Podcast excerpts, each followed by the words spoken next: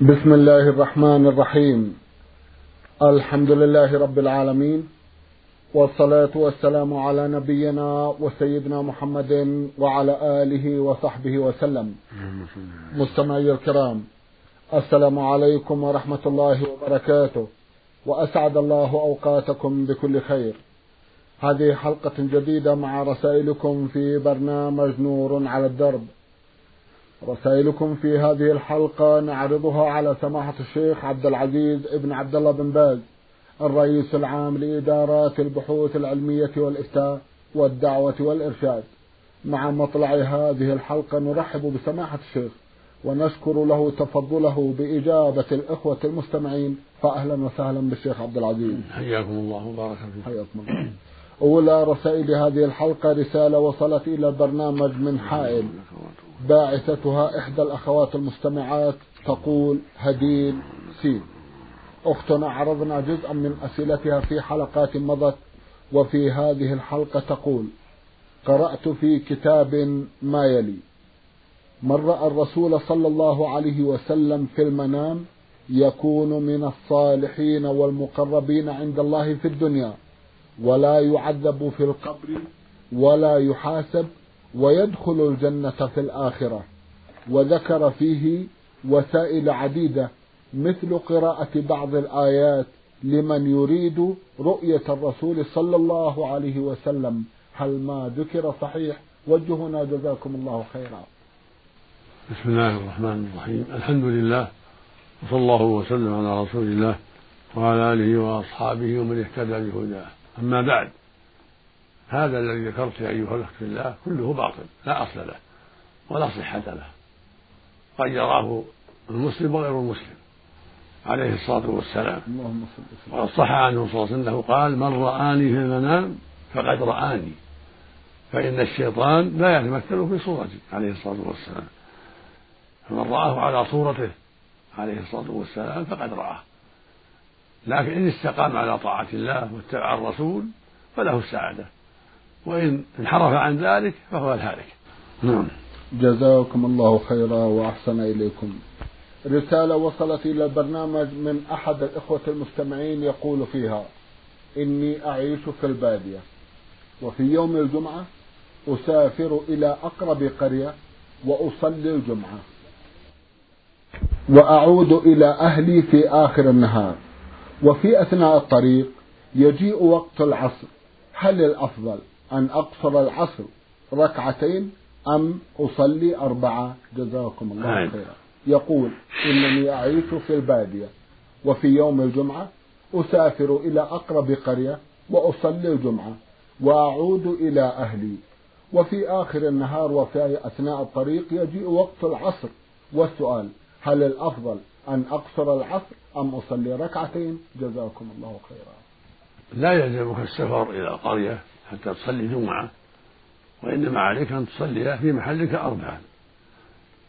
لكن إذا سافرت فلا بأس وصليت معهم الجمعة. أما كونك تصلي العصر في الطريق ركعتين هذا يحتاج إلى معرفة السفر. فإن كان ما بين محلك والقرية يعتبر مسافة قصر يعني يعتبر مسافة يوم وليلة للمطية قريب ثمانين كيلو خمسة وسبعين كيلو تقريبا فلا مانع أن تقصر الطريق. أما إذا كانت المسافة قريبة ثلاثين كيلو أربعين كيلو عشرين كيلو صليها أربعة. هذا ما يسمى سفر. نعم. جزاكم الله خيرا وأحسن إليكم. يقول عندي أولادي أعمارهم من إحدى عشرة سنة إلى سبع سنوات. هل الأفضل أن يصفوا خلفي في الصلاة؟ أو يقول أولادي أعمارهم من إحدى عشرة سنة إلى سبع سنوات. هل الأفضل أن يصفوا خلفي في الصلاة أو إلى جانبي أفيدوني جزاكم الله خيرا. السنة أن يصفوا خلفك ولو كانوا صغارا إذا كان أبناء سبع فأكثر. وصلى النبي صلى الله عليه وسلم في بيت بعض الصحابة لما زارهم الضحى صلى بهم صلاة الضحى وصف أنس واليتيم خلفه عليه الصلاة والسلام. فالسنة أن يصفوا خلفك ولو كانوا صغارا. إذا كانوا أبناء سبع فأكثر. ولكن ليس لك أن تصلي في البيت صلاة الفريضة بل يجب عليك أن تصلي في المسجد مع الناس. وعليك أن يصلوا أيضا تأمرهم يصلوا مع الناس. إذا كانوا أبناء سبع أو ثمان يؤمرون. أما إذا بلغوا عشرا فيؤمرون ويضربون إذا تخلفوا حتى يصلوا مع الناس يعتادوا الصلاة. لكن إذا صليتها في البيت في الليل تهجد بالليل أو صلاة الضحى فلا بأس يصلوا خلفك. نعم. سماحة الشيخ جزاكم الله خيرا. ذكر أنه من أبناء البادية. على كل حال يصلوا معك في الجماعة مسجدكم في البادية أنتم جيرانك. لا صلي في محلك صل مع إخوانك في محل الذي تصلوا فيه مصلاكم انت والجيران جزاكم الله خيرا. اذا إذا كان له جيران فليصلي معهم جميعا. نعم نعم. أما كوحده نعم. يصلي مع أولاده ويصلوا خلفه. بارك الله فيكم وأحسن إليكم. يقول مسحت على الخفين والشراريب معا ولكن نزعت الخفين خارج المسجد وصليت بالشراريب فقط. هل صلاتي صحيحة؟ إذا كنت مسحت عليهما جميعا على الخف وعلى ما ظهر من الشراب فخلعهما جميعا. أما إذا كنت مسحت على الشراب فقط والشراب ساتر مسحت عليه فإنه يكفي والحمد لله. ولو خلعت الخف. نعم. يقول مسحت عليهما جميعا. يخلعهما جميعا. إذا مسح عليهما جميعا يخلعهما جميعا. نعم. جزاكم الله خيرا. أما إذا مسح الجوربين أخرج رجليه ومسح على الجوربين ثم أدخلهما في الكندرة أو في الخف فالعمدة على الجوربين إذا خلع الخف لا بأس لا يضر. جزاكم الله خيرا وأحسن إليكم. يقول سافر مجموعة من الناس ومعهم ماء كثير محمول فوق السيارة وهو زائد عن حاجتهم تقريبا إلا أنهم تيمموا فاختلفوا حينئذ. البعض قال بالجواز والبعض الآخر يقول لا يجوز بل يجب أن نتوضأ من هذا الماء ما هو رأي سماحتكم؟ الصواب عليهم الوضوء إذا كان الماء في فضل الصواب عليهم الوضوء. وإذا صلوا بالتيمم لا يصح. أما إذا كان الماء قليل حد شرابهم وحاجاتهم فلا صح فلا بأس أن يصلوا بالتيمم. أما إذا كان الماء كما قال السائل كثير وفيه فضل عن حاجتهم فإن الواجب أن يصلوا بالوضوء لا بالتيمم. ومن صلى بالتيمم يعيد. جزاكم الله خيرا. سائل من بلجرش يقول المرسل عين عين غين. أخونا له جمع من الأسئلة. يقول في أحدها متى يستحب استقبال القبلة أثناء تأدية العمل الصالح؟ وجهنا وعددوا لنا تلكم الأعمال إذا أمكن. جزاكم الله خيرا. استقبال القبلة في الأعمال الصالحة أفضل. إذا تيسر ذلك. إذا تيسر ذلك إذا جلس يقرأ أو يذكر الله ويورد يكون يستقبل القبلة أفضل ولكن لا يجب ذلك. لو صلى لو جلس مستقبل غير القبلة وقت الورد وقت الذكر وقت القراءة فلا حرج. إنما يجب استقبالها في الصلاة. لأنها شرط شرط من شروط الصلاة استقبال القبلة الكعبة. إذا كان مقيما ليس بمسافر. أما إذا كان مسافر فإنه يصلي إلى جهة سيره في النافلة صلاة النافلة. والأفضل يحرم مستقبل القبلة كبر تكبيرة الإحرام مستقبل القبلة ثم يصلي إلى جهة سيره في النافلة. وأما الفريضة فيستقبل القبلة ينزل ويصلي يستقبل القبلة ولا يصلي إلى غيرها ولو في السفر. عليه أن ينزل ويستقبل القبلة سواء كان في السيارة أو في الإبل عليه أن ينزل إلا إلا إذا عجز لأن كان الأرض ما ما يصح النزول فيها لأنها سيول أو أمطار سيول أو خايف ما يستطيع النزول فإنه يصلي على حسب حاله ويستقبل القبلة بدابته أو سيارته. نعم. جزاكم الله خيرا. يقول هل من سالم شخصا له عليه مال أو مظلمة؟ أفضل أم من يطالب بحقه في الآخرة؟ نعم هل من سالم شخصا له عليه مال أو مظلمة أفضل أو من يطالب بحقه وذلك في الآخرة؟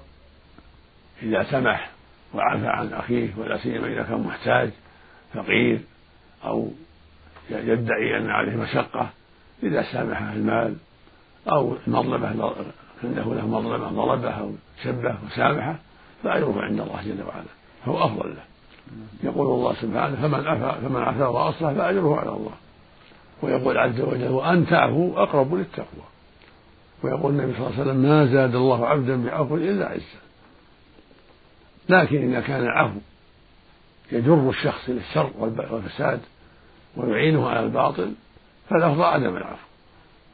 نعم. جزاكم الله خيرا. من يعلم أن مورثه اغتصب مالا أو أرضا أو سرق. هل يحق لذلكم الوارث أن يرثها أو يعيدها أو يتصدق بها؟ الواجب على الوارث أن يعيدها لصاحبه إذا عرفه. أما إذا كان لا يعرفه يتصدق بها عنه. ويبني ذمة الميت وذمته. وليس له أن ينتفع بها. ما دام يعلم أنها مغصوبة. أو سرقة فالواجب ردها إلى صاحبها إن عرف وإلا فالصدقة بها في وجوه الخير. بالنية عن صاحبها.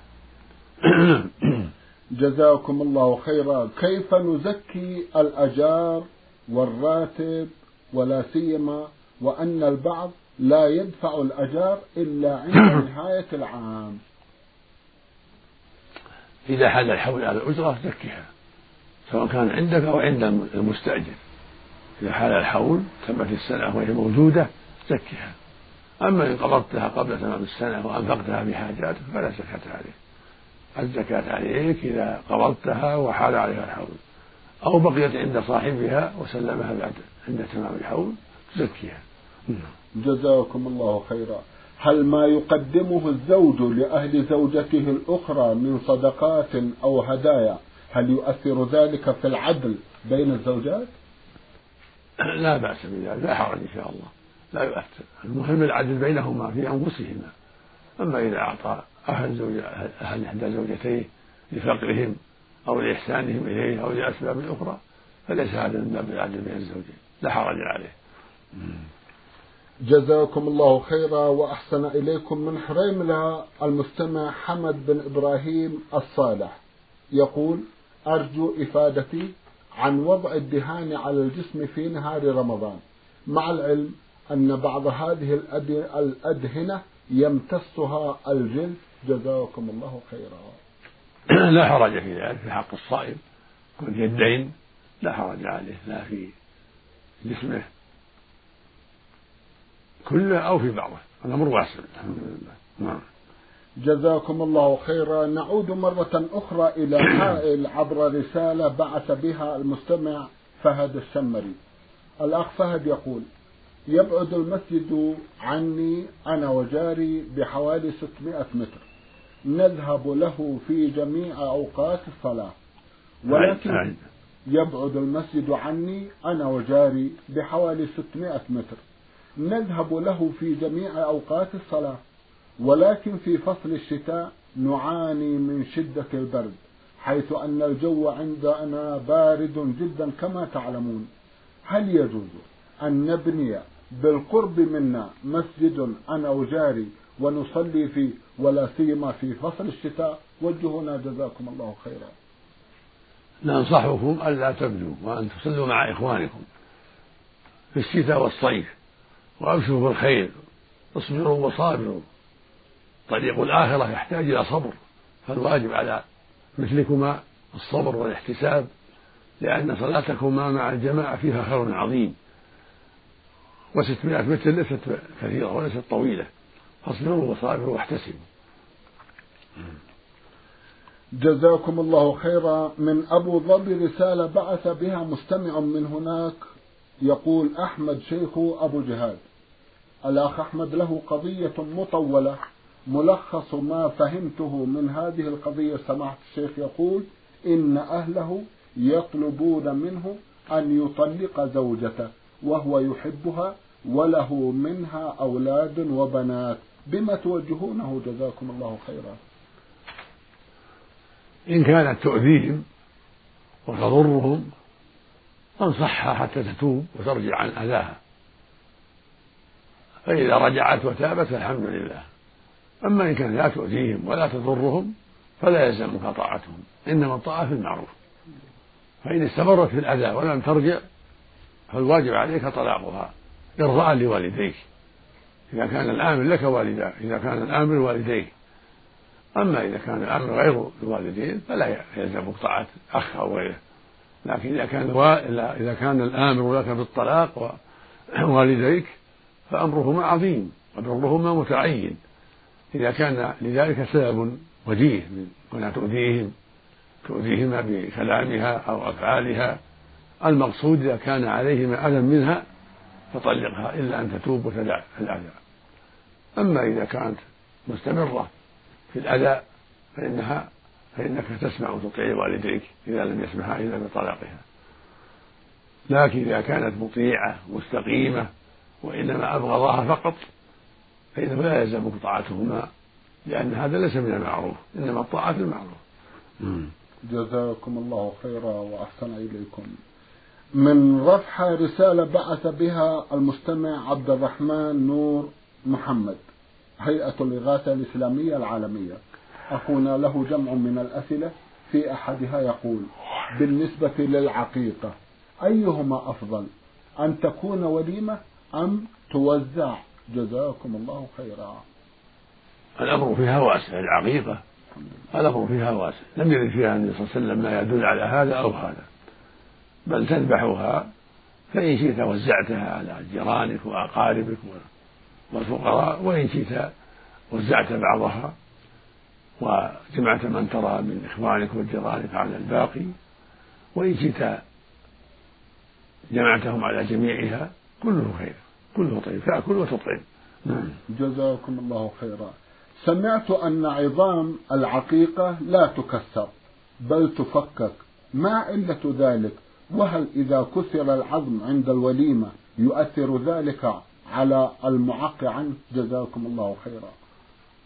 هذا ورد عن عائشة رضي الله عنها أن العقيقة تنزل جدولا أعضاء لا تكسر تفاؤل. من باب التفاؤل في سلامة الولد وعدم تعرضه للسوء. وليس هذا بواجب بل بل هو مستحب. وإن كسرها فلا حرج. جزاكم الله خيرا. يقول بعض الناس يعملون وليمة الزواج مع وليمة العقيقة. فهل يجوز ذلك؟ أم لكل طريقه؟ وجهونا جزاكم لا حرج. في ذلك لا حرج. الحمد لله. إذا جمع وليمتين فلا بأس. جزاكم الله خيرا. رسالة مطولة من أحد الأخوة المستمعين نصري مقيم في المملكة رمز إلى اسمه بالحروف ميم ألف ميم. يقول والدي كان يملك منزلا بمبلغ عشر ألاف جنيه مصري وتم بيعه أثناء حياة الوالد.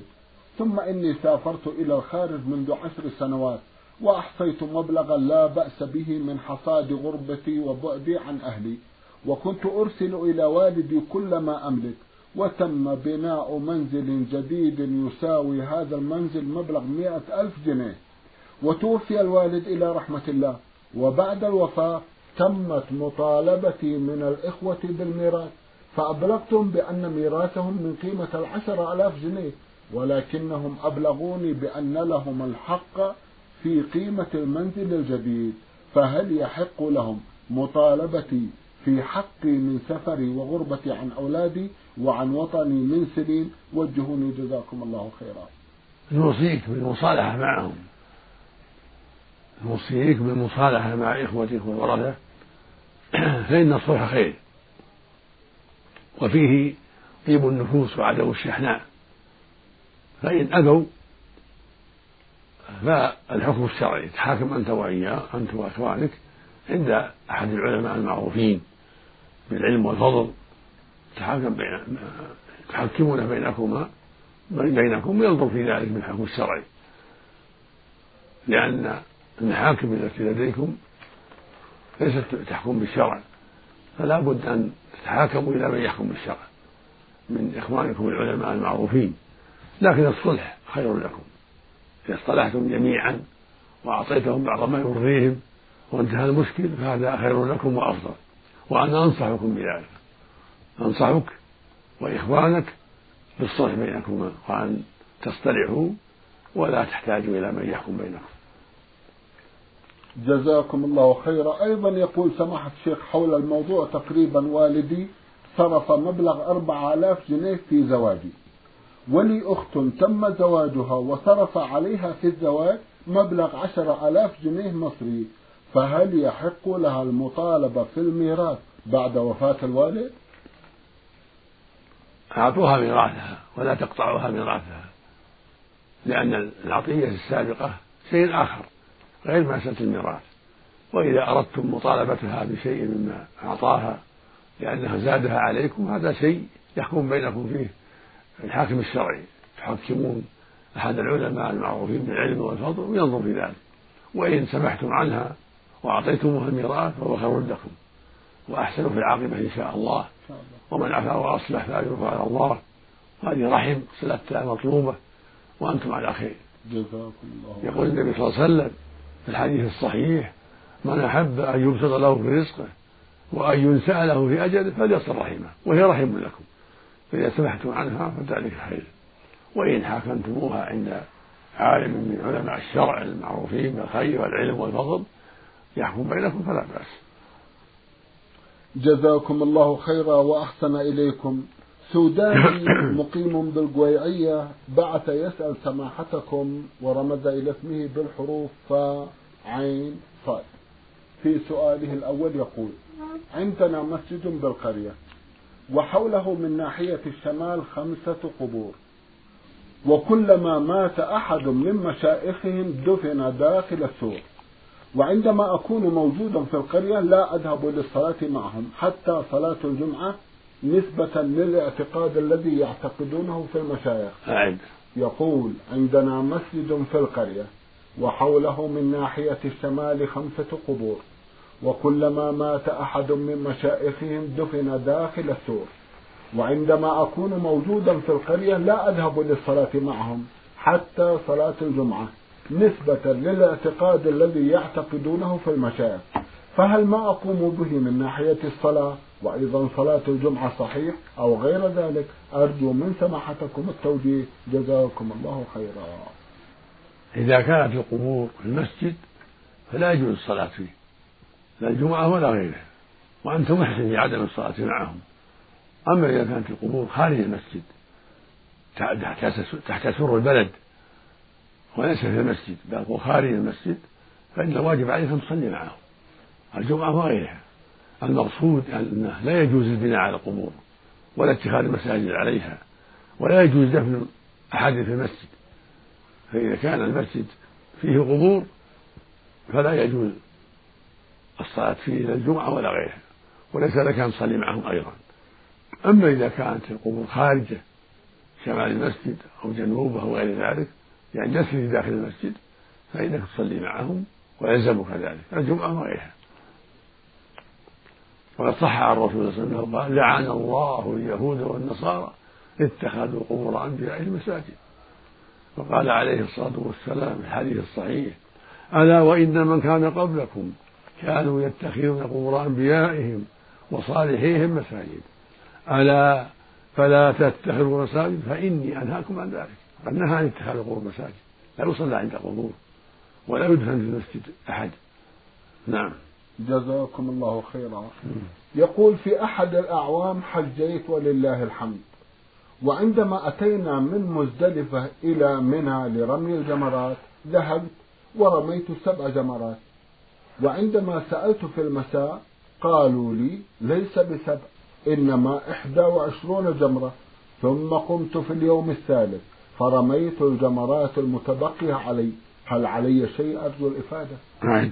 يقول حجيت ولله الحمد في أحد الأعوام وعندما أتينا من مزدلفة إلى منى لرمي الجمرات ذهبت ورميت السبع جمرات وعندما سألت في المساء قالوا لي ليس بسبع إنما إحدى وعشرون وقمت في اليوم الثالث فرميت الجمرات المتبقية علي. هل علي شيء؟ أما يوم العيد فليس فيه إلا سبع جمرات العقبة ترمى بسبع حصيات. أما الأيام الأخرى الحادي عشر والثاني عشر فإن الواجب رمي ثلاث جمار كل واحدة بسبع الأولى والوسطى والأخيرة. كل واحدة بسبع والأخيرة هي التي تلي مكة تكون هي التالية. التي رماها الناس يوم العيد تكون هي الأخيرة. وترمى الجمرتان الأوليان قبلها. الأولى التي تلي مسجد الخيف في داخل منى ثم الوسطى ثم جمرة العقبة التي رماها الناس يوم العيد. وهكذا اليوم الثاني عشر ثم الثلاث. كل واحدة بسبع حصيات فإن كنت رميت الثلاث يوم الحادي عشر والثاني عشر كل واحدة بسبع فليس عليك شيء. وإن كنت تركت هذه الجمرات أو بعضها فعليك دم يذبح في مكة للفقراء.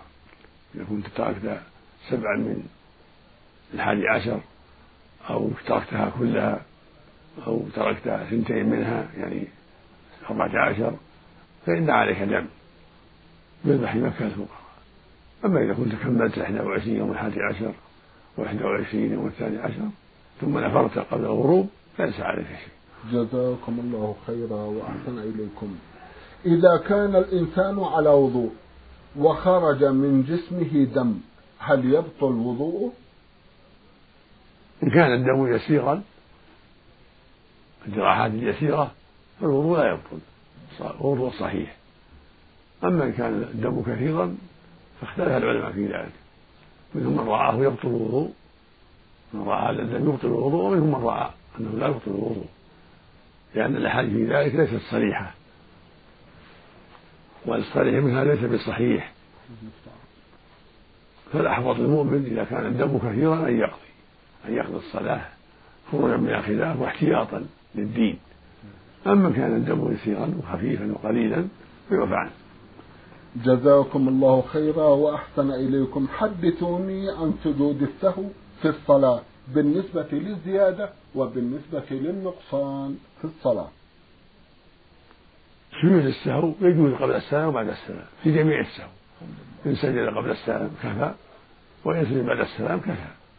لكن الأفضل أن يكون قبل السلام. هذا هو الأفضل. إلا في حالتين.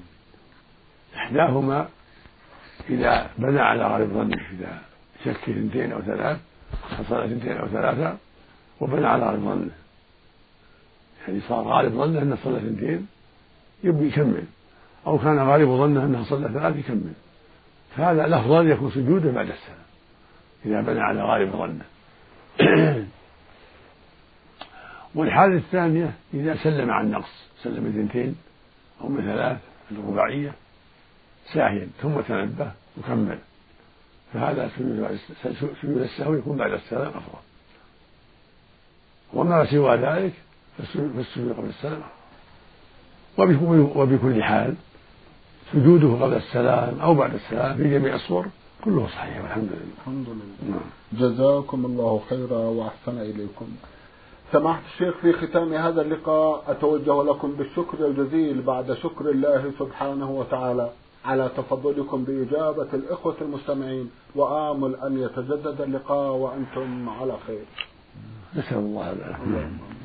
مستمعي الكرام كان لقاؤنا في هذه الحلقة مع سماحة الشيخ عبد العزيز ابن عبد الله بن باز الرئيس العام لإدارات البحوث العلمية والإفتاء والدعوة والإرشاد. شكرا لسماحة الشيخ. وأنتم يا مستمعي الكرام شكرا لحسن متابعتكم وإلى الملتقى وسلام الله عليكم ورحمته وبركاته.